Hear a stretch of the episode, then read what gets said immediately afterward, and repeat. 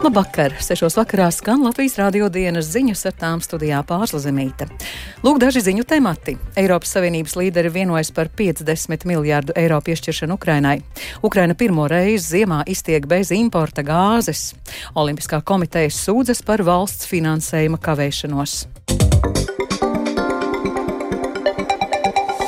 Eiropas Savienības valstu līderi šodien ir atbalstījuši 50 miljārdu eiro palīdzības piešķiršanu Ukrainai.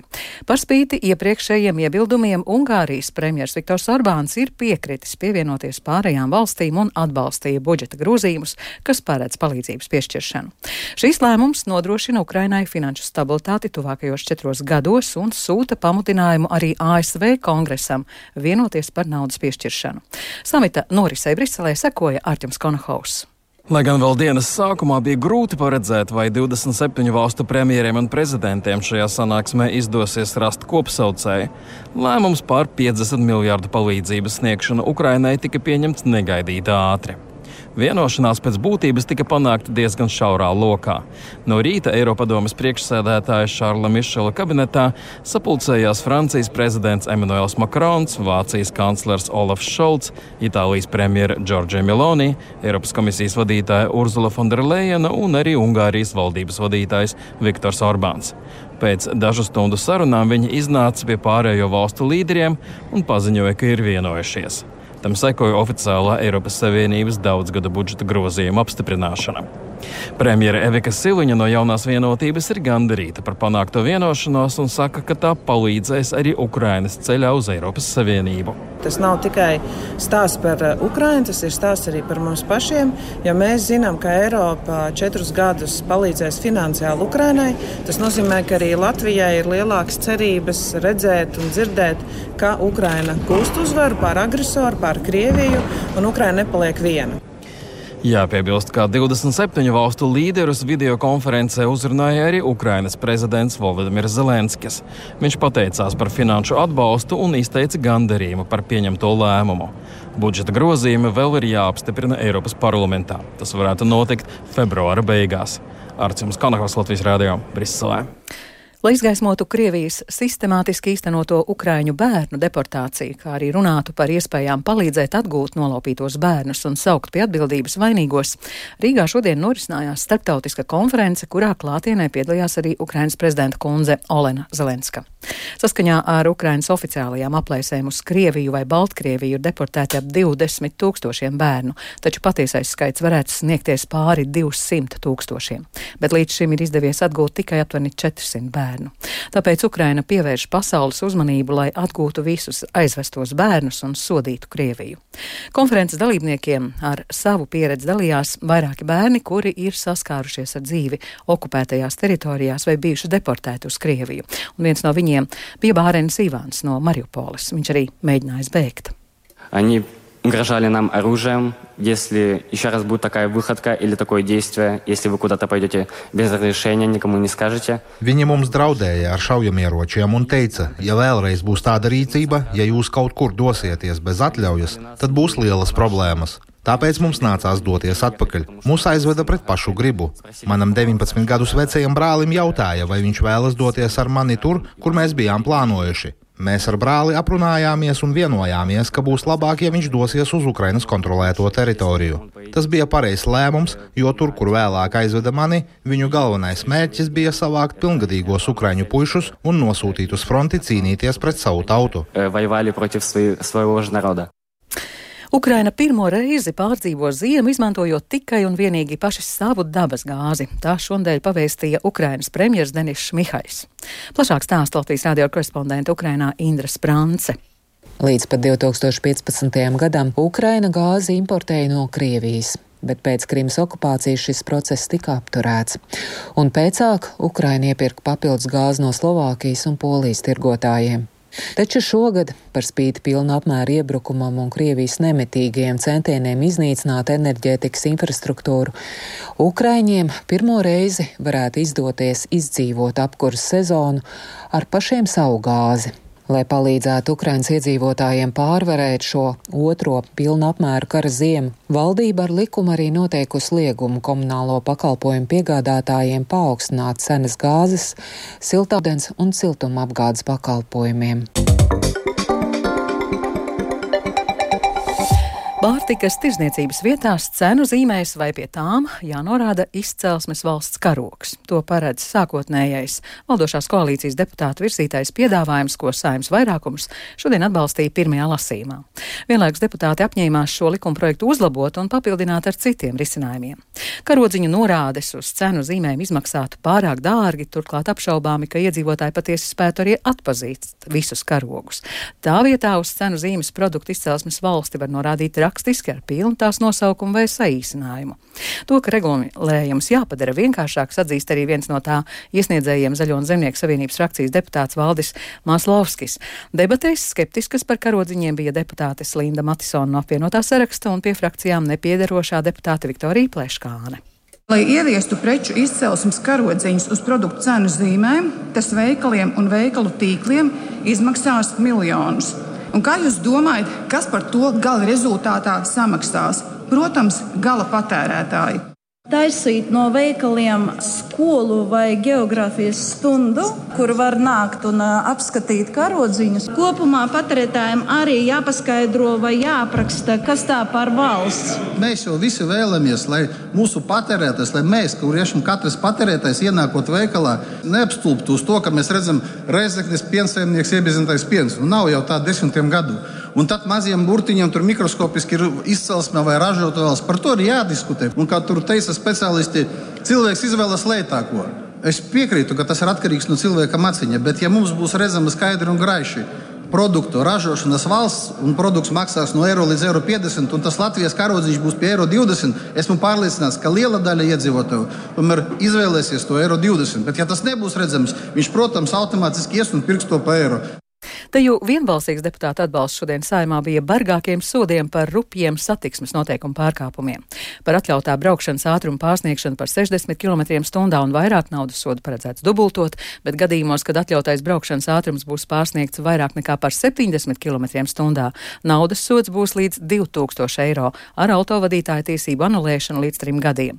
Par šiem priekšlikumiem saimā domstarpību nebija. Vienlaikus debatas izvērtās par to, vai naudas sodu noteikt par minimālu atļautu atļautā braukšanas ātruma pārsniegšanu. Progresīvo frakcijas deputāts Edmonda Cepurīša, Latvijas pirmajā vietā pārstāv Edmonda Ziltiņa un apvienotā saraksta deputāta Māra Sprindžuka teiktais. Priekšlikums to risina samazinot to regulāro un ierasto ātrumu pārsniegšanu. Samazinot vidējo ātrumu, samazinās negadījumu skaits un samazinās bojā gājušo skaits. Šis arī ir nepareizi, ka šie 5 km/h atkal mēs dodam kaut kādus pielaidus. Ceru, ka satiksmes ministrs nāks ar priekšlikumu no 1 km. Ir jābūt atbildībai. Šis virziens sodīt pie 5 km ātrāk ir nu, totāli nepareizi. Tā ir greiza ideja. Jebkuru ceļu padarot šaurāku, mašīnas brauc lēnāk. Var veidot dažādu veidu barjeras, līkumus, pacēlumus, zebras, eh, kas ir piepaceltas un tā tālāk. Sodi tā ir vakardiena, tā ir padomju savienība. Mums no tā ir jāiet prom. Un arī šo priekšlikumu saima turpinās apspriest februāra vidū. Pirmdien vairākās Latvijas pilsētās notiks zemnieku rīkota protesta akcija. Protesti solās būt vērienīgi, kas ietekmēs satiksmi un var apgrūtināt iedzīvotāju pārvietošanos. Par gaidāmajiem protestiem un prasībām stāsta Sandra Dieziņa. Zemnieku galvenās prasības - aizliegt pārtiks produktu importu no Krievijas un Baltkrievijas, samazināt birokrātisko slogu nozarē, atjaunot samazināto PVN likmi augļiem un dārziņiem, noteikt plašāku pieeju apdrošināšanas un apgrozāmo līdzekļu programmām un atteikties no nacionāla līmeņa zemes apgrūtinājumiem. Zemnieki savas prasības jau iesnieguši zemkopības ministram un valdības vadītājai un gaida prasību izpildi piecu dienu laikā. Kas neapmierina lauksaimniekus, stāsta Salacgrīvas novada zemnieku saimniecības robežnieka saimniece Ieva Alpa Eizenberga. Jā, tagad tas vadis ir uh, pilns. Viņš bija jau principā pilns uz lampes sapulces laiku. Neviena solījuma no lampes nav izpildīti. Ar to zemnieki ir ļoti neapmierināti ar birokrātiju, ar birokrātijas nespēju uzņemties atbildību, visu nogrūšanu uz lauksaimniekiem. Redzam, ka mūsu bērni tiek baroti ar uh, Krievijas pārtiks produktiem skolās armija tiek barota. Tas, principā, laikam pielika punktu. Zemnieku saimniecības kalna Dambrāna saimniece Iveta Tīrumniece protestos nepiedalīsies, taču arī viņu uztrauc lielais birokrātiskais sloks. Lielākā daļa, cik vairākā puse ir prasību par daudz, tāpēc, ka arī tās prasības visas arī pārklājas viena par otru, un eh, tajā brīdī, kad mēs tiešām prasam neiedzīgas aizpildīšanas tabulas un tā tālāk, tajā brīdī labāk es atrastos uz lauka vai kūtī, nekā sēžot pie datora un pilnīgās, nu, es uzskatu, ka tur ir pilnīgās neiedzības, kas ir jāizpilda mums. Tās ierēdniecības ir par daudz. Ne visi lauksaimnieki atbalsta protestu rīkošanu. Bioloģiskās lauksaimniecības asociācijas valdes priekšsēdētājs Gustavs Norkārklis sarunā ar Latvijas radio sacīja, ka viņa vadītā biedrība norobežojas no zemnieku saimnes rīkotajiem protestiem. Tikmēr zemkopības ministrijas valsts sekretārs Raivs Kronbergs norāda, ka daļa zemnieku prasība ir pamatotas, bet dažas nesaprotamas. Sandra Dieziņa, Latvijas radio. Latvijas Olimpiskā komiteja šodien nosūtīja vēstuli valsts prezidentam Edgaram Rinkēvičam, kurā izklāst viņuprāt bezprecedenta situāciju sporta nozarēs šobrīd. Neviena no sporta veidu federācijām joprojām nav saņēmusi valsts budžetā paredzēto bāzes finansējumu. Federācijas skavē maksājumus, sportisti aizņemas naudu privāti, bet Latvijas Olimpiešu sociālā fonda pabalsti sporta veterāniem šomēnes var kavēties. Par sportu atbildīgā un valsts naudu sadalošā izglītības un zinātnes ministrija gan Latvijas radio norādīja, ka situācija nav citādāka kā iepriekš. Ik gada federācijas naudu saņēma februārī vai martā, bet tad to dalīja tieši Latvijas Olimpiskā komiteja un Latvijas Sporta federācija padome. Arī Latvijas radio aptaujātās federācijas piekrita, ka tā bijis jau gadiem gadiem, taču tas beidzot ir jāmaina. Latvijas riteņbraukšanas federācijas ģenerālsekretārs Toms Marks pastāstīja, ka organizācijai gadu no gada visgrūtākais laiks ir tieši līdz martam, kad naudu jāaizņemas. Tas janvāris un februāris un varbūt reizēm arī marts, kamēr tas eh, notiek šī līguma noslēgšana. Nu, ir tie grūtākie mēneši gadā, un nereti arī mūsu federācija ir bijusi tā, ka eh, vai nu kāds no federācijas padomus mūsu gadījumā locekļiem ir uh, izlīdzējis un iedevis finansējumu, nu, vai arī kā savādāk. Šobrīd vēl tāda sarkanā gaisma nav, bet, uh, ja finansējums nebūs pieejams mārta mēnesī, nu, tad arī mums uh, būs gan šie nodokļu parādi pavisam noteikti. Mēs nespēsim realizēt ne biroju uzturēšanu, kur nu vēl kaut kādu sportistu startu plānošanu un realizēšanu, jo tas viss ir nolikts šobrīd tādā stāvbremzē. Gatavība, rīcība, dzīvība. Ar šādu vadmotīvu neatliekamās medicīniskās palīdzības dienests ieveda savu jubilejas gadu. Šodien aprit 15 gadu kopš Latvijā izveidots un visā valstī darbojas vienots neatliekamās medicīniskās palīdzības dienests. Intensīvās terapijas brigādes vadītāja Laura Pūle, kas dienestā strādājot 13 gadus, uzsver, ka patīk misijas apziņa, ka ir iespēja cilvēkiem būt kā tādam eņģeliskajam faktoram, jo palīdzību spēj sniegt uz vietas. Man patīk ļoti, kā man viena jaunā doktora teica, ka teiks, tā misija glābt cilvēku dzīvības. Tas visiem ir skaidrs. Reanimācijas, pārējais, viss tāds, bet saglabāt. Bet, ja mēs neaizbrauktu, cilvēkam kādreiz ir pēc neatliekamos gadījumos, iespējams, ka tā dzīvības nu, tāda līnija aprautos. Bet pēc tam varam aizvest uz slimnīcu. Jā, lidotā. Aizvedam uz slimnīcu un tā tiešām notram to dzīvību. Ja ne savā etapā, tad pēc tam slimnīcas etapā. Un tā misijas apziņā.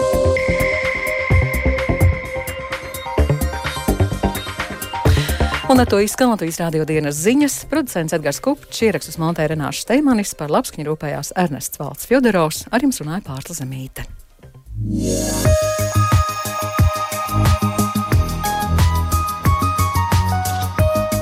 Latvijas vidus geoloģijas un meteoroloģijas centrs informē Rīgā pat labāk plus 2 grādi, rietumu vējš 5 m2, gaisa spiediens 753 mm, gaisa relatīvais mitrums 92%. Bet kāds laiks gaidāms turpmāk, prognozēja sinoptiķe Ilze Golubēva. Piektdienas naktī valsts lielākajā daļā gaidāms neliels sals. Gaisa temperatūra pazemināsies līdz minus 1,5 grādiem, vienīgi vietām piekrastē tā būs ap nulli. Savukārt dienā gaisa iesils līdz 0,4 grādiem. Piekrastē vēl aizvien būs jūtams brāzmaināks vējš, bet mākoņu gan naktī, gan dienas pirmajā pusē būs maz. Dienas gaitā gan to daudzums pakāpeniski palielināsies un vakarā rietumos sagaidīsim nokrišņus. Arī brīvdienās palaikam būs gaidāmi nokrišņi un piekrastē brāzmains vējš, bet siltākā no brīvdienām būs sestdien, kad termometrs stabiņš dienā pakāpsies līdz plus 3, plus 8 grādu atzīmēji.